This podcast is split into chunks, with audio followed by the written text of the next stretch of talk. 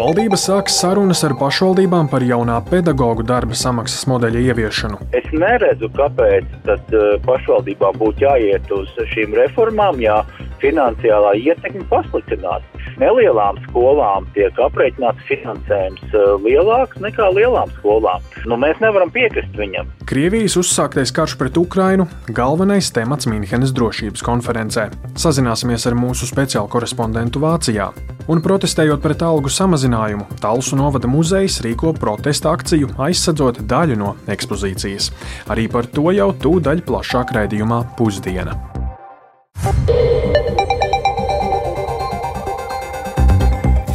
12,5 minūtes un savu skanējumu sāks 16. februāra ziņu raidījums Pusdiena. Plašāk skaidrojot šodienas aktualitātes, studijā Kristaps Feldmanis. Esiet sveicināti! Šodien valdība sāks sarunu pirmo ciklu par izglītības un zinātnes ministrijas izstrādātā jaunā pedagoģu darba samaksas modeļa programmas skolā ieviešanu. Pirmo sarunu laikā vairāku ministriju un premjeras biroju pārstāvi tiekās ar Rīgas plānošanas un vidzemes plānošanas reģionu pašvaldībām, lai diskutētu par vietvaru gatavību pāriet uz jauno kārtību un nepieciešamajiem atbalsta pasākumiem. Kolēģis Sandra Dieziņa man pievienojusies studijā, lai par to visu pastāstītu plašāk. Sveika, Sandra! Izskaidrot lūdzu šī tikšanās cikla būtību. Jā, Kristapa, jaunais pedagoģa darba samaksas modelis programmas skolā izstrādāts šogad, un februāra sākumā tas nodots sabiedriskajai apspriešanai. Tas paredz noteikt vienotus kritērijus, kā tiks piešķirts valsts finansējums pedagoģa darba samaksai. Jāsaka, pat labam spēkā ir finansēšanas modelis nauda seko skolēnam, un tas nozīmē, ka mērķa dotācijas lielums skolotāju algām katrai skolai tiek aprēķināts atkarībā no skolēna skaita tajā. Pēdējos gados nauda nonāk pašvaldībā, nevis skolā, un pašvaldība sadala finansējumu skolām pēc saviem ieskatiem. Taču jaunais modelis paredz, ka finansējums skolotāju algām atkal nonāks patiešo skolās. Pašvaldībām gan tiks novirzīts finansējums atbalsta personāla atalgošanai. Kas svarīgi, valsts skolas, kurās ir nepietiekams skolēnu skaits, turpmāk finansēs tikai daļēji bet nepiepildītās 10. līdz 12. klases pakāpeniski pārtrauks finansēt pilnībā. Daudz jautājumu par šo jauno pedagoģu apmaksas modeli ir pašvaldību vadītājiem. Ko no šīs dienas sarunām sagaida Smiltens novada domas priekšsēdētājs Edgars Avotiņš klausāmies? Smiltens novads ir veicis gan apjomīgas reformas. Sagaidām, ka šo reformu rezultātā mums kopējais finansējuma apjoms palielināsies no tām izglītības iestādēm, kas pēc šīm reformām paliks. Bet pēc šī jaunā atlīdzības modeļa mēs redzam, ka tā aina iezīmējās pavisam cita. Smiltens vidusskolē, kas ir novada lielākā skola, tur ir uh, iezīmēts finansējums samazinājums par 9%, atbalsta personāls tiek mazināts. Es neredzu, kāpēc tad uh, pašvaldībām būtu jāiet uz šīm reformām, ja finansiālā ietekme pasliktinās. Jo arī pēc šī modeļa mēs redzam, ka uh, nelielām skolām tiek aprēķināts finansējums uh, lielāks nekā lielām skolām. Nu, mēs nevaram piekrist viņam. Tas bija Smiltens novada domas priekšsēdētājs Edgars Avotiņš. Savukārt Izglītības un zinātnes ministrijas pārstāvi uzsver jaunā modeļa stiprās puses. Valsts nodrošināšot katrai skolai finansējumu skolotāju algām tādā apmērā, cik izmaksā skolas īstenotās izglītības programmas, un finansējums katrai skolai vairs nebūšot tik ļoti atkarīgs no skolēnu skaita, kā tas ir šobrīd. Vienlaikus tieši jaunā finansēšanas sistēma spiež pašvaldības steigšus pārskatīt skolu tīklu. Bet eh, ko par to visu saka pedagoģa arotbiedrība? Jā, Kristap, tikmēr Latvijas izglītības un zinātnes darbinieku arotbiedrība jau ir izvērtējusi ministrijas izstrādāto darba samaksas finansēšanas modeli un vērš uzmanību uz vairākiem jautājumiem. Tostarp, vai tiks pietiekami finansētas speciālās izglītības programmas un klases vispārējās izglītības iestādēs? Vai tiks nodrošināts pietiekams atbalsta personāla likmju skaits un atbilstošs finansējums, lai sekmīgi varētu īstenot iekļaujošo izglītību, un kā tiks risināta lielo skolu problēma, kurām jaunais modelis nav finansiāli izdevīgs, jo pasliktina situāciju. Un svarīgākais, ko ietvers ministrijas līgums ar pašvaldībām, par to, Kādi ir šīs dienas sarunu rezultāti? Plašāk skaidrosim programmā pēcpusdiena. Jā, patiesi, paldies arī kolēģis Andrei Dieziņai par ieskatu šajā tematā, taču par šo sarunu ciklu ar pašvaldībām šodien kopā ar kolēģi Elīnu Balskaru izvaicāju arī redzījumā Labrīt. Vides aizsardzības un reģionālās attīstības ministri Ingu Bērziņu no jaunās vienotības. Paklausīsimies mūsu sarunas fragmentu. Cilvēkiem ir tendence vairāk dzīvot pilsētās, izvēlās labāk dzīvot pilsētās, pārvietojas uz pilsētām, darba vietas vairāk ir pilsētās. Bet jūsu atbildība redzam, nebūtu ģimenes raisīt pārvērtās uz pierīgu. Uh, viennozīmīgi, tāpēc jebkuram jautājumam, kurš um, skar šīs izmaiņas jūs minētajos laukos.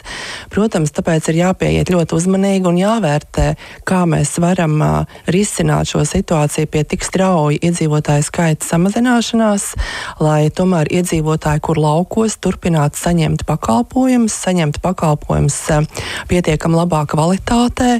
Un, uh, tas ir tāds nu, izaicinājums un arī mūsu šī brīža tāds, nu, viens no būtiskiem jautājumiem attiecībā par skolu tīklu, jeb skolu ekosistēmas izveidi, kas ir vērsta uz kvalitatīvas izglītības nodrošināšanu mūsu bērniem laukos, tur, kur ir ļoti mazs iedzīvotāju skaits un bērnu skaits, šīs skolas nevarēs pastāvēt, un tad ir jābūt risinājumam, kā arī valdība nāk pretī, lai gan pašvaldībām, gan iedzīvotājiem šajās teritorijās palīdzētu. Un tieši šajā sakarā arī premjerministra Evika Siliņa ir aicinājusi pie sevis visus plānošana reģionu pārstāvis, visas pašvaldības, kuras ietilpst šajos plānošanas reģionos.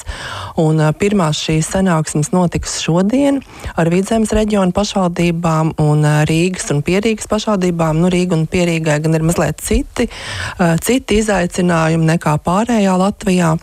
Un mēs no Vides aizsardzības un reģionālās attīstības ministrijas esam strādājuši pie investīciju programmas, eh, kas būtu tāds kā atbalsts pašvaldībām eh, šo pārmaiņu laikā. Jūs arī pati tur būsiet kā ministra? Jā, es pati tur būšu, un arī mēs prezentēsim mūsu redzējumu, kā mēs redzam, kā varētu pašvaldības atbalstīt. Esam gan aptaujājuši pašvaldības, gan tikušies ar pilnīgi visām Latvijas pašvaldībām, uzklausot viņu vajadzības, un esam izveidojuši tādu kā investīciju programmu, kas mūsu ieskatā būtu ikgadēja, kur valstī vajadzētu piedalīties, un no šīs investīciju programmas tiktu finansētas nu, pierīgā. Tās varētu būt jaunas skolu būvniecības. Ar visu to, ka mums skolas daudz tiek samazināts, mums ir vajadzīgas arī jaunas skolas atsevišķās pašvaldībās. Tāpat tā būtu skola rekonstrukcija, skolu dabas zinātņu kabinetu modernizācija, izveide, kurās vietās tas vēl nav izdarīts, vai skola. Vai šīm visam iecerētajām pārmaiņām atbalstam ir finansējums? Tieši tas, par ko mēs šodien runāsim, mūsu priekšlikums ir veidot valsts investīciju programmu, kas tiktu finansēta no budžeta. Tā vidas aizsardzības un reģionālās attīstības ministre Inga Bērziņa no jaunās vienotības atgādināšu, ka šodien pievēršoties skolu tīkla problēmām galvenokārt vidzemē sāksies valdības pārstāvju, novada plānošanas reģionu un pašvaldības sarunu cikls par skolu tīklu problēmām un izaicinājumiem, un vairāk stāstīsim raidījumā pēcpusdienā. Bet šobrīd pievērsīsimies vienam no aktuālākajiem starptautiskajiem notikumiem - Mīnhenes drošības konferencei. Tā Vācijas pilsētā Mīnhenē šodien oficiāli tiks atklāta. Šī konference norisināsies jau 60. reizi, un tā pulcēs vairākus simtus valstu un valdību vadītājus, ministrus, starptautisku organizāciju vadītājus, augsta ranga, aizsardzības jomas pārstāvjus un citas personas.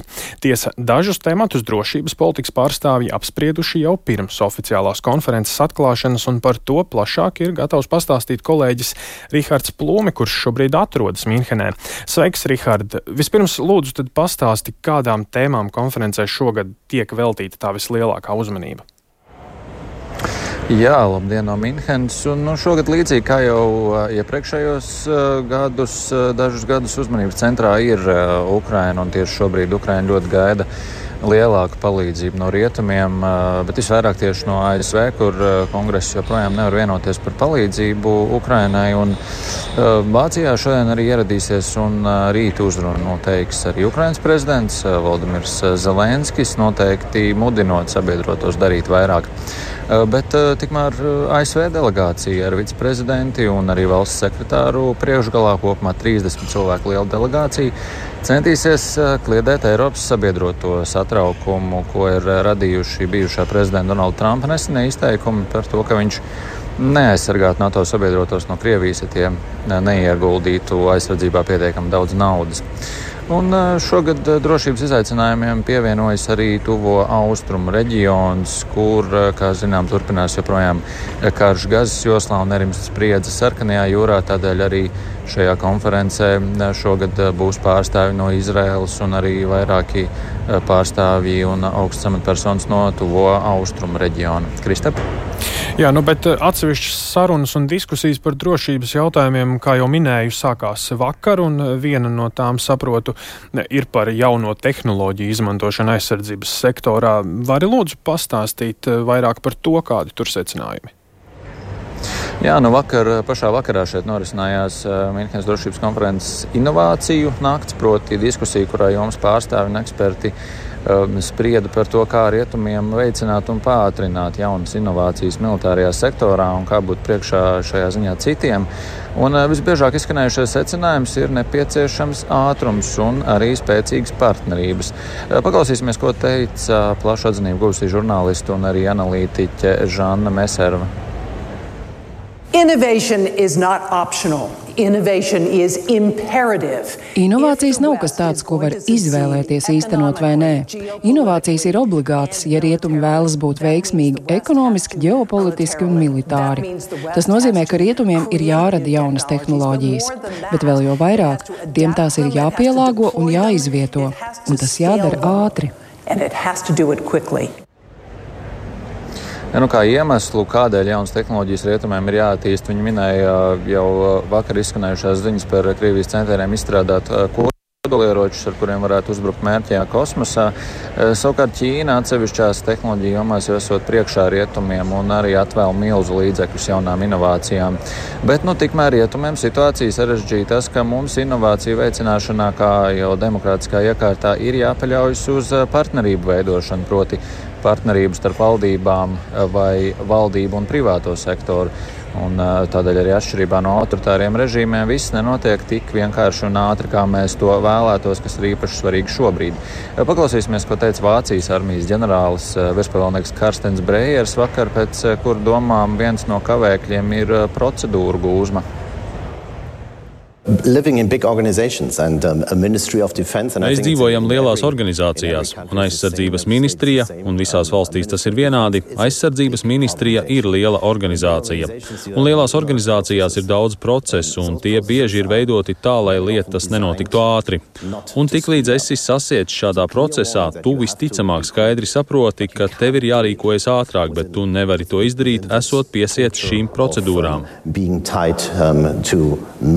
procedures. Jā, nu viņš pauda arī viedokli, ka rietumi šobrīd ir spiesti būt ātrāki un inovatīvāki, un ir būtiski arī vērot, ko dara konkurenti.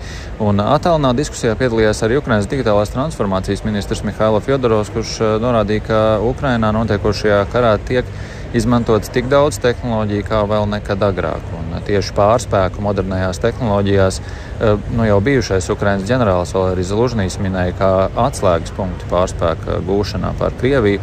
Nu, tādēļ, jo vairāk un ātrāk rietumi spēs strādāt pie inovācijām aizsardzības sektorā, jo vairāk eh, gan stiprināsim un attīstīsim savu drošību, gan reizē arī spēsim palīdzēt Ukrainai uzvarēt tādu lūk secinājumu. Kristap? Jā, paldies par sarunu.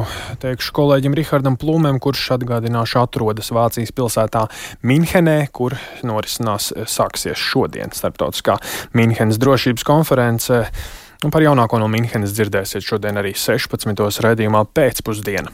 Bet eh, turpinot par aktuālo ārvalstīs, Ungārijas galvaspilsētā Budapeštā pēdējās dienās vairāki simti cilvēku ir izgājuši demonstrācijās, lai pieprasītu konservatīvā premjerministra Viktora Orbāna demisiju. Ungārijas sabiedrībā plašu sašutumu izsauca nu jau bijušās valsts prezidentes Katalinas Novākas lēmums apžēlot vīrieti, kurš bija piesedzis seksuālus noziegumus pret bērniem. Ungāri pieprasa, lai valdība paskaidro paskaidrot, kāpēc apžēloja šo personu, taču Orbāna pārstāvji visu atbildību uzveļ Novākai. Bet pats premjeras joprojām nav sniedzis nekādus komentārus. Nu, vairāk par skandālu Ungārijā ir gatavs pastāstīt kolēģis Uldis Česbers, kurš man pievienojies studijā. Sveiks, Uldi! Tad pastāsti sīkāk, kas ir izsaucis šo daudzu Ungāru dusmas pret Orbānu. Jā, pagājušajā nedēļā uh, Ungārijas prezidente Katalina Novāka paziņoja par demisiju, jo atklātībā bija nonākusi informācija, ka prezidente pērn pirms Romas pāvesta Franciska vizītes apžēloja bijušo bērnu nama darbinieku, kurš bija notiesāts, jo palīdzēja iestādes direktoram slēpt viņā um, seksuālos noziegumus pret bērnu nama audzēkņiem. Un vēlāk par parlamentā deputāta mandāta nolikšanu paziņoja arī bijusī tieslietu ministra Judīta Varga, kura bija apstiprinājusi prezidentes lēmumu par notiesātā apžēlošanu. Eh, Novāka un Vārga bija valdošās partijas Fides biedres un tuvas premjerministra Viktora Orbāna sabiedrotās. Un visticamāk, ka tieši Orbāns viņām lika demisionēt, lai mazinātu sabiedrības sašutumu, taču viņa plāns neizdevās, jo protesti turpinājās arī šonadēļ. Un protestētāji uzskata, ka Novāka nav vienīgā augsta līmeņa amatpersona, kurai būtu jāatkāpjas, un viņuprāt tas būtu jādara arī Orbānam. Hát én örülök neki, de ezzel nincs megoldva. Es priecājos, ka viņa atkāpās no amata, bet domāju, ka šādā veidā lietas nav atrisināmas. Viņa nav galvenais noziedznieks. Ir jāskatās līdz pašai varas virsotnei. Es domāju, ka viņai ir labi nodomi, bet es zinu, ka viņa ir liela Orbāna piekritēja. Ir jāatklāj patiesība. Mani biedē, ka viņas vietā stāsies Fidesz cilvēks. Jā, bet advokāts Andrāšs Gals, kurš tiesā aizstāvēja prezidenta sataisnotā vīrieša piesaktā pedofila upurus, sacīja, ka sabiedrībā joprojām gaida paskaidrojumus tieši no Orbāna.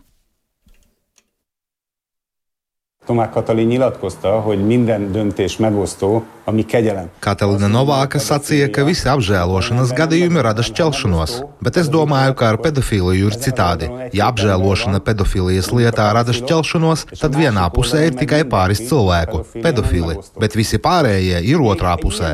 Un pat tādā gadījumā kā šis, kad ir attaisnots par pedofīliju tiesāts noziedznieks, ir jābūt paskaidrojumam. Sabiedrība to varbūt nepieņemtu, bet vismaz saprastu, kāpēc viņu apžēloja. Bet šobrīd sabiedrība īsti nesaprot šo lēmumu. Jā, bet savukārt premjera Orbāna politiskais direktors Ballāšs Orbāns uzskata, ka galvenā atbildīga par notikušo joprojām ir Novāka. Kegyelmi ügyek úgy néznek ki az alkotmány szerint, hogy a köztársaság. Ungārijas konstitūcija nosaka, ka lēmums par kādas personas apžēlošanu ir valsts prezidenta atbildība. Manuprāt, prezidenta pieņēma kļūdainu lēmumu. Par laimi, Prezidenta arī atzina, ka tas nebija pareizs lēmums. Tas, kāpēc prezidenta pieņēma šādu lēmumu, ir jautājums viņai pašai. Es nepiekrītu viņa atbrīvošanai, taču persona, kas pieņēma lēmumu, ir uzņēmusies politisko atbildību par savu rīcību. Politologi uzskata, ka šis skandāls ir radījis lielāko apdraudējumu premjeram Orbānam kopš viņa atgriešanās pie varas 2010. gadā. Orbāns, kā zināms, sevi ir pozicionējis kā konservatīvo un kristīgo vērtību aizstāvi, tāpēc skandāls rada nopietnu kaitējumu viņa tēlam. Bet skandāls var būtiski ietekmēt arī partijas Fides sekmes jūnijā gaidāmajās Eiropas parlamenta vēlēšanās, un tajās partijas saraksta pirmais numurs bija rezervēts uh, Vargai, taču pēc skandāla nu, viņas sapnis par ievēlēšanu Eiropas parlamentā ir beidzies. Jā, Paldies Suldim Česberim, ar kuru tātad runājām par izveidojušos politisko nestabilitāti Ungārijā. Bet eh, nu, atgriezīsimies pie pašmāju tematiem. Tāls novada muzejs, protestējot pret plānoto algu samazinājumu, šodien rīko protestu akciju. Apmeklētājiem būs redzama tikai daļa ekspozīcijas. Nākamnedēļ ir jāapstiprina pašvaldības 2024. gada budžets, taču tajā izdevumi par vairākiem miljoniem eiro pārsniedz ieņēmums. Vairāk par šo protestu mums ir gatava pastāstīt kolēģi Ieva Puķa, ar kuru esmu sazvanījies. Sveika, Ieva! Kas tev ir zināms par situāciju un kāpēc uz to tik asi reaģējis tieši Talsu novada muzejs? Jā, labdien! Es tieši pašlaik atrodos Talstu novada muzejā, un šeit stendi ir aizklāti ar melnu plēvi. Daļa stendus rakstīts ir samazināti par 25%. Uh, šeit, piemēram, ir aizklāti seno kuršu darba rīku stendi, kurus, kurus tagad sēžu. Un tā tad nedēļas sākumā Talsu muzejs saņēma rīkojumu par 25% budžeta samazinājumu, uh, un tas skars darbinieku štata vietas nāksies es atvainojos, no 21 darbinieka atlaist 5, un tad atlikušajiem samazināt algas par 10%, mainīt arī izstāžu plānus. Uh, Talsu novada domas deputāti otrdien, 13. februārī par jauno pašvaldības vadītāju ievēlēja uh, zaļ, Latvijas zaļās partijas biedru Andi Āboliņu, uh, un viņš sev intervijās nosaucis par krīzes menedžeri, un tad šis ir tas krīzes, krīzes menedžments, mēģinājums strauji mēģināt pārskatīt pašvaldības šī gada budžetu. Um, kā zināms, pašlaik pašvaldības 2024. gada budžeta ieņēmumi paredzēti 62,7 miljoni eiro apmērā, bet izdevumi 71,9 miljoni. Tas gali neiet kopā, un uh, budžeta problēma dēļ 5. februārī iemats zaudēja arī iepriekšējā domas vadītāja Eva Kārkliņa. Taču novadā iedzīvotāji ir izbrīnīti, ka vadības maiņa notiek tik īsu brīdi pirms jaunā budžeta pieņemšanas. Eh, turklāt Kārkliņas vadībā jau domes eh, sāka eh, ar algu nogriešanu paši sev. Tiek uzskatīts, ka 21. gadā doma ir uztaisījusi uzpūstu budžetu, un tas ir viss izra izraisījis šīs ķēdes. Taču muzeja darbinieku algas pēc direktora Ulda Petersona teiktā bijušas un ir visai pieticīgas. Mm -hmm.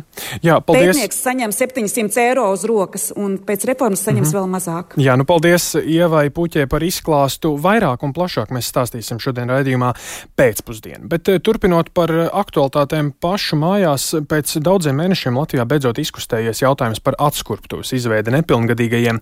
Problēma ir kļuvusi aktuāla pēc bērnu nežēlīgā kautiņa pērn imantām. Tad sekoja arī citi nepilngadīgo konflikti un slepkavības, kurās iespējams vainīgs bija alkohols. Bet vairāk par to visu stāsta Viktors Demidovs.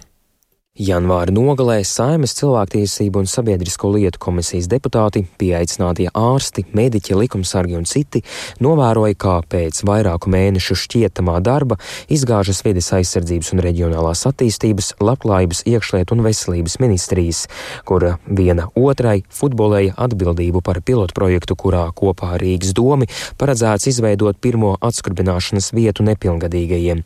Par situāciju neizpratnē bija arī deputāti, kuri nolēma, ka turpmāk par projektu atbildīga būs valsts kanceleja, kurai nepilnu trīs nedēļu laikā vajadzēja sasaukt pirmo darbu grupu. Tā vakar tika sasaukta. Pēc pusotru stundu ilgām sarunām secinājumus apkopo valsts kancelejas pārresoru koordinācijas departamenta vadītājs Pēteris Vilks. Pirmkārt, mēs identificējam, ka tas pakalpojums viņš tiek sniegts jau, bet viņš ir ļoti sadrumstalots un kad ir lietas, ko varētu darīt uh, labāk. Skaidrs, ka tie pakalpojumi, kā jau es minēju, atrodas dažādās ministrijās. Saprotam, ka, ja grib radīt kaut ko jaunu, tam ir nepieciešami arī resursi. Mēs piedāvājam arī ceļu, ja būs nepieciešami papildus resursi, kā varētu iet uz to, lai ir izšķiršanās, ka vai būs vai nebūs kādas papildu resursu piešķīrums, bet no ja sākuma jāidentificē tiešām, kas ir nu, tā, tā nepieciešamā investīcija un vai ir kaut kāds tas pakalpojums, kas ir jārada pilnīgi pa jaunu. Cik varētu maksāt atskruptuve, kur nepilngadīgie saņemtu arī sociālo un rehabilitācijas palīdzību, pagaidām nav zināms. Pērn pavasarī Rīgas doma piedāvāja izskatīt iespēju atskrbināšanas vietu nepilngadīgajiem ierīkot Rīgas Austrum Kliniskās universitātes slimnīcā, kur daļu telpu atbrīvo bērnu slimnīca. Taču Vilks norāda, ka vietai pagaidām nozīmes nav. Galvenais kā pakalpojumus nodrošināt. Gandarījumu pēc pirmās darba grupas pauž Rīgas vicemēre Linda Ozola no deputātu bloka Kods Rīgai. Nu šobrīd es mazliet cerīgi skatos uh, uz to procesu, jo man radās sajūta, ka valsts kancelēja izprot to problēmas būtību ir ļoti atbildīgi no viņa puses arī saprast esošos resursus uh, un vai, vai, vai tas ir iespējams vai nav iespējams uh, jau esošajā infrastruktūrā in, nu, integrēt šādu, radīt jaunu pakalpojumu. Bet uh, nu, droši vien tādu gala secinājumu par to, vai, vai mēs ejam pareizajā virzienā, es droši vien vairāk varēšu pateikt pēc otrās tikšanās reizes. Problēma ar nepilngadīgajiem, kuri lieto apreibinošas vielas, iepriekš aktīvi izcēluši tiesības sarga birojā. Tā pārstāvju sēdi gan nesot bijuši uzaicināti, taču bērnu tiesību nodaļas vadītājas vietniece Laila Henzele pati pieteicās to klausīties. No teikšu godīgi, pēc vakardienas man nepārņēma sajūta, kad uh, tas virzās uz labu, jo tie viedokļi bija tik ļoti atšķirīgi un katrs resurs uh, pastāv savās robežās viennozīmīgi un, un to kopējo lauku attiecībā uz šo bērnu problemātiku īsti nesaskata. Kaut gan visi kā viens atzīst, un par to pat nav jāšaubās, ka pilnīgi visi atzīst, ka tā problēma pastāv. Bet tam, tas risinājums tiek, nu tā kā, nu mēs jau nē, tas, tas ir kādam citam jādara, un mēs jau nē, un tas ir vēl kaut kam citam jādara. Tas joprojām jā. bija manāms sēdē? Jā, es gribu teikt, ka es kā klausītāji to tiešām sajūtu, jā. Vienlaikus Henzele valsts kancelejas darbam uzticoties, cerot, ka viņiem šo jautājumu izdosies atrisināt. Nākamā darba grupa gaidāma pāris mēnešu laikā. Savukārt skaidru vīziju par atskruptuvi nepilngadīgajiem valsts kancelēja plāno izveidot līdz jūlijam. Viktors Demidovs, Latvijas radio. Ar šo stāstu arī izskan šīs piekdienas 16. februāra raidījums pusdiena. To producēja Lauris Zvejnieks, ierakstus montēja Kaspars Groskops par labskaņu rūpējās Katrīna Bramberga. Ar jums sarunājās Kristaps Feldmanis vēl īsi par svarīgāko. Valdība sāk sarunas ar pašvaldībām par jaunā pedagoģu darba samaksas modeļu ieviešanu, un Krievijas uzsāktais karš pret Ukrainu ir galvenais temats Mīnhenes drošības konferencē. Visu labu! yeah.